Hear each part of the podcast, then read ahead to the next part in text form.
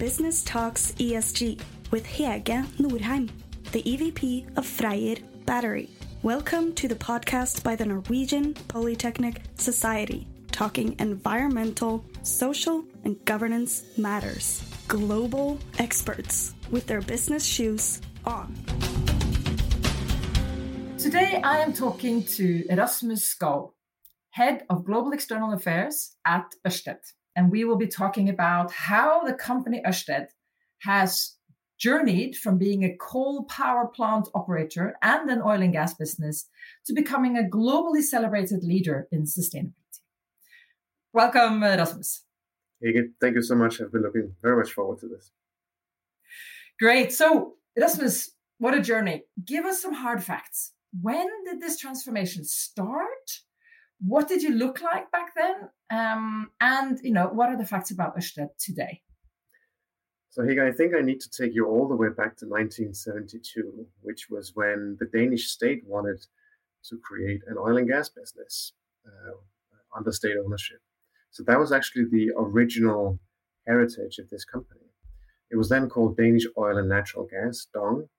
Um, and uh, later on, if we fast forward to 2005, that uh, company was merged with a number with a, a, couple of utilities in the greater Copenhagen area that were running um, coal um, and gas-fired uh, combined heat and power plants. Um, and that was actually the the time when this company was uh, one of the most fossil fuel intensive companies in all of Europe. As I said, with a heritage in oil and gas, coal-fired uh, um, uh, electricity and heat generation. Um, so when the company around 2008, 2009 began thinking around, thinking about what does the future look like, that was the starting point. So we had at the time, looking at only generation, we had 85% that was fossil based, 15% that was renewables based. That some of that was actually from one of the or the first offshore wind farm that was ever built, which was went all the way back to 1991 um, a test project, if you will, extremely small in scale compared to what you what you see today. Um, but that was that was actually one of the sort of the, the, the original um, foundations for that uh, for that um, for beginning to think about that the future could look a little bit different. There were of course a number of external factors in play as well. The EU had come out with a 20% renewables target for 2020. We had the otherwise failed COP15 summit in Copenhagen that that even though it, it failed to to uh, to do any significant change back then, it was still clear that that the winds were changing, times were changing, people's thinking were changing. We were actually at the time looking at building a coal-fired power station in Germany, um, but but based on our understanding of what could make us successful in the future and what a future energy system would look like, we actually decided to scrap those. So around the time 2008, our uh, CEO put out um, a um, an op-ed in the newspaper and said, "We want to turn our uh, generation profile on its head. So from uh, 85% fossil-based and 15% renewables to 85% renewables and 15% fossil-based, and we want to do that by uh, 2040." At the time, that was seen as as very very ambitious. However, move, yes. we actually we actually met that target in 2019. So what happened between 2008 and 2019 is essentially the acceleration of the transformation of the company. So the company was under increasing financial pressure about uh, about 2012, and I think that also adds to the the story here that we were essentially looking at uh, potential uh, bankruptcy. we we were hemorrhaging money in, in some of the lines, uh, some of the traditional business lines that had been serving us well. For instance, our wholesale gas uh, business. That was only a handful of years uh, uh, earlier, something that everybody thought this is going to be the future of European energy. But at that time, it was just going extremely, performing extremely poorly. There were other financial pressures as well, but that was uh, that was one of, of the key drivers. So a decision has been made to continuously reinforce uh, our uh, focus on renewables, um, continuously reinforce our decarbonization targets uh, as well. So, so in the time that then led up to 2017 when we became a listed company, in that in that process, we divested our oil and gas business. We have been converting all of our uh, coal and, um, and gas-fired power stations, with the exception of one that will be closed um, uh, next year. Um, we've con- been converting all of these uh, uh, combined heat and power stations to running on certified sustainable biomass, and we've been accelerating our investments in in other renewables. So uh, offshore wind primarily, uh, and that's been the main driving force behind our business um, um, development, as well as uh, onshore uh, wind and solar. So what that where that leaves us today is that we've reduced. First of all, we don't have the oil and gas business any longer. Mm-hmm. Um, we we did a, a, a, larger focusing of the business as well. So divesting a number of, of for instance, our, our retail um, uh, customer um, B2C business, uh, but other, so other other aspects of the company were, were divested in order to focus uh, capital and men- mental bandwidth, if you will, on building out uh, our renewable energy portfolio. So where we are today is that we've reduced uh, carbon emissions in our uh, scope one and two by 87% since 2006. We're on track to become carbon neutral uh, by 2025. Uh, we have uh, achieved a green energy share of 91% uh, last year, and and it's obviously looking to improve that significantly over the coming years as well. And now then, of course, what that that doesn't mean that we are just resting on our laurels, but we are looking at uh, further strengthening our impact um, uh, through the, the, the, solutions that we that we deploy. Mm-hmm. We really uh, aspire to be a catalyst for system change uh, and and and use use the technologies we deploy to uh, to also address other sorts of crises. For instance, the biodiversity crisis, which should obviously be seen in tandem with uh, the climate crisis, two parallel crises that reinforce each other. We've committed to uh, to a net positive impact from all of our um, uh, projects commissioned from 2030 and onwards, uh, because we see that as a natural um, um, step. We want to uh, to be able to. We want to make sure that we address a crisis like that with, and we believe we can with deployment of such large scale infrastructure. Great. We'll come back to the future, and and I also want to come back to you know what were the main, really the main drivers, as you you touched on many of them, for the transformation. You know, was it the CEO? Was it the investors and capital market? Was it the customers? Was it the government? But um, can you so you have been declared the most sustainable company in the world by an organization called corporate knights. What are they looking at? What are the you, you mentioned an, you know uh, some numbers here. What but what is it that makes you that most sustainable company in the world? So first of all i should say that that i think there's there's been a lot of talk about about these rankings over the years. Um, how valid are they? What do they you know, do they actually get things absolutely right? Um, I will say that it, it was a fantastic time for the company. It was a fantastic validation of the journey we were on and inspired, and instilled a lot of pride in people and really a determination to continue uh, down the path of, of sustainable uh, green energy. Um, Corporate Knights looks at a number of different uh, uh, indicators, similar to how ESG ratings uh, work, essentially. The one thing that is a little bit different with Corporate Knights is that they you're actually awarded for being uh, significantly better than your industry.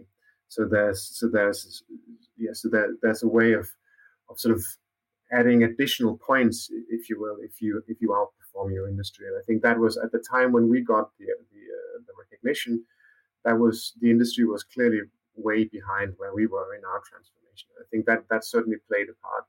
But of course, the the majority of that, the, the recognition came out of the transformation, but also the fact that we are looking at well, we are taking uh, significant action across all of the material sustainability challenges that we face as a company. So it's not just about uh, decarbonization, but it's also making sure that we address uh, everything across nature, governance, uh, social governance, of course, as well. Mm.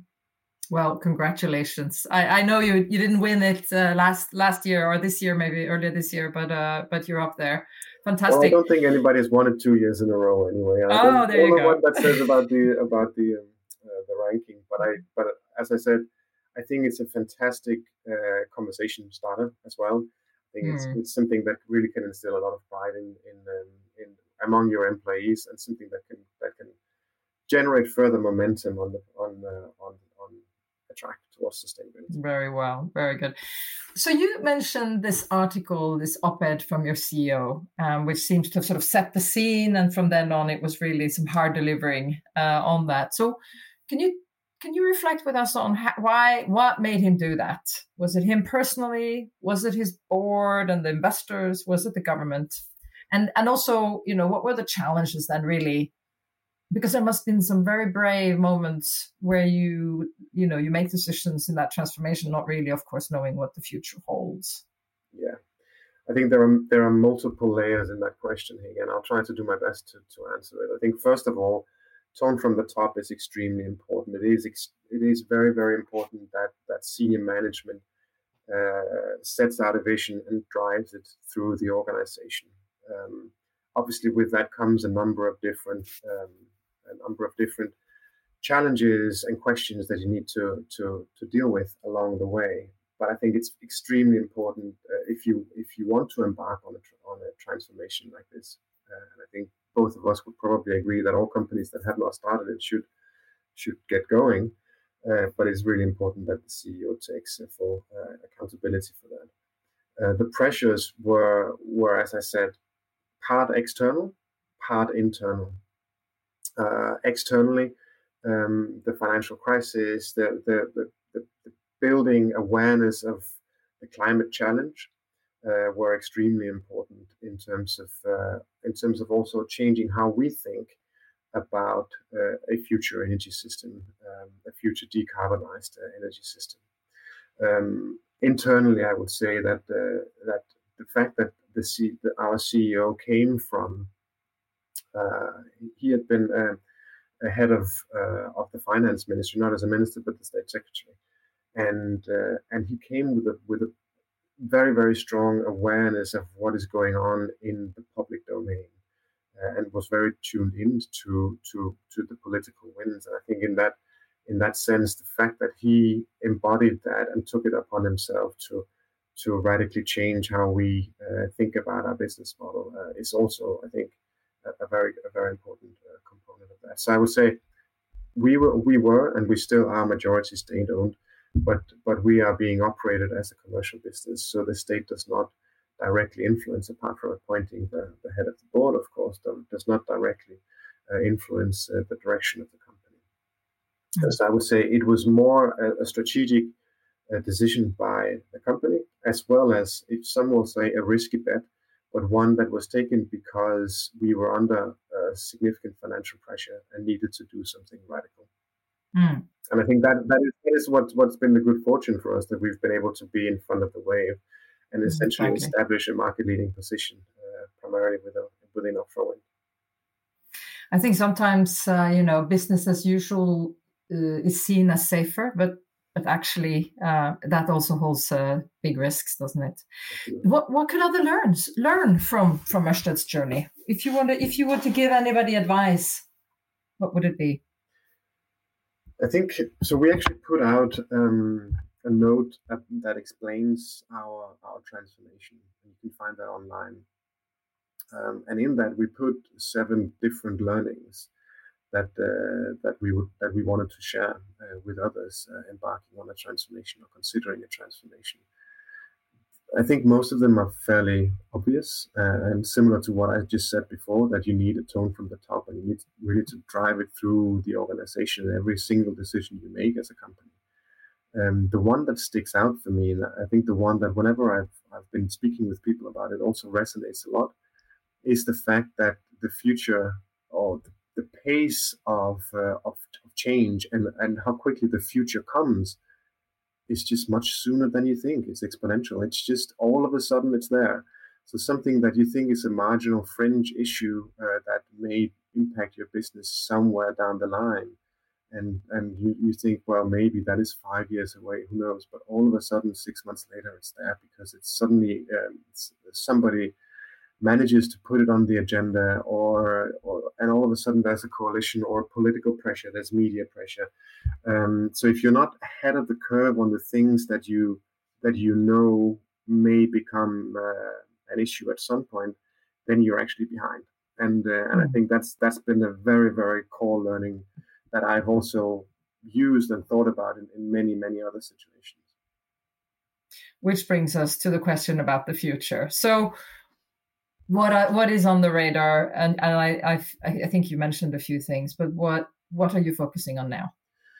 So Ørsted wants to be uh, a global green energy major. Since 2019, we've expanded uh, from Northern Europe to having a global footprint. So we're constructing uh, offshore wind farms, onshore wind farms, solar across the world.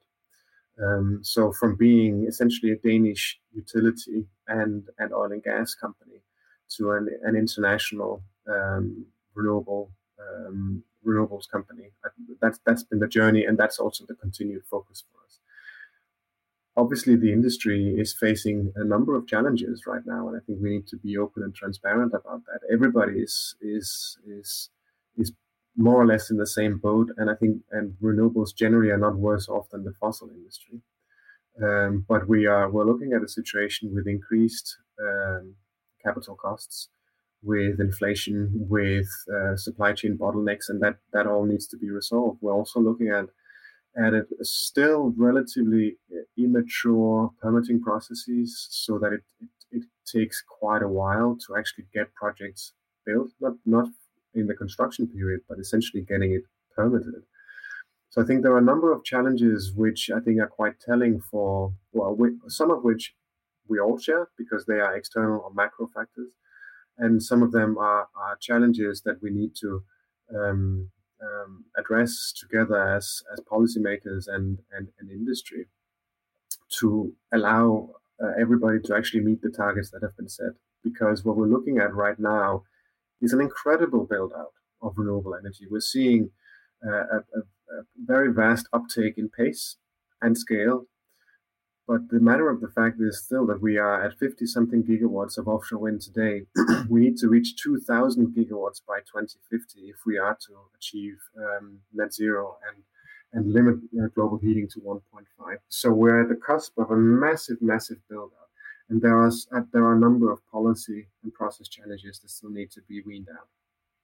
But that is that is where we're going. That is that is where we put uh, everything, um, um, everything we say and everything we do, all the money we have, we put that towards towards the renewable energy uh, build up. We have a vision of a world that runs entirely on green energy, and that mm-hmm. is that that is what we're pursuing with with with all of our spending, all of our time, all of our mental capacity. And and Rasmus, uh, last question for you personally. Which part, which part of the journey have you been part of, and, and what has it meant for you personally? So I joined the company in early 2012, at a time when it was still a, uh, still um, an, an, oil and gas company, when it was still burning uh, six million tons of coal a year, and um, and the journey. Well, I, I came in with the intention of staying in the company about a year's time. I had not dreamed of working in in um, in energy. Um, but it's been an, an accelerating ride and, and one that is one of personal growth for me as well. And it's been with some of the, the key highlights that you also mentioned there. For instance, the corporate knights recognition, setting um, the first net zero um, um, aligned decarbonization target, uh, building out our portfolio of sustainability programs, having our CEO speak in the UN General Assembly in front of uh, all of the world's state leaders. Um, it's uh, you know it's I think it's been a tremendous uh, and very rewarding ride, and I think working for a company that that both is purposeful, um, uh, but also uh, has a very very strong collaborative environment. I think that's that's truly rewarding. Well, it sounds amazing. Uh, we're all very envious and we all want to repeat that success and do the same. Um, so this has been a really inspire inspiration for, for everybody who's on the journey. Um, I think, you know, Rasmus, as you say, we are on the cusp of an enormous growth uh, of uh, and trans- transition, and exactly having a look at those small issues that we sort of see are there are going to then you know 20 fold 40 fold over the next two decades it's really important to get it right now that we can in the beginning hey yes. thank you so much for your time yes. um, and good luck to the rest of your journey and keep being a shining example for all of us this is Hege Norheim who has just spoken to Rasmus Skov, Head of Global External Affairs at Ørsted. Have a continuously great day, all of you out there listening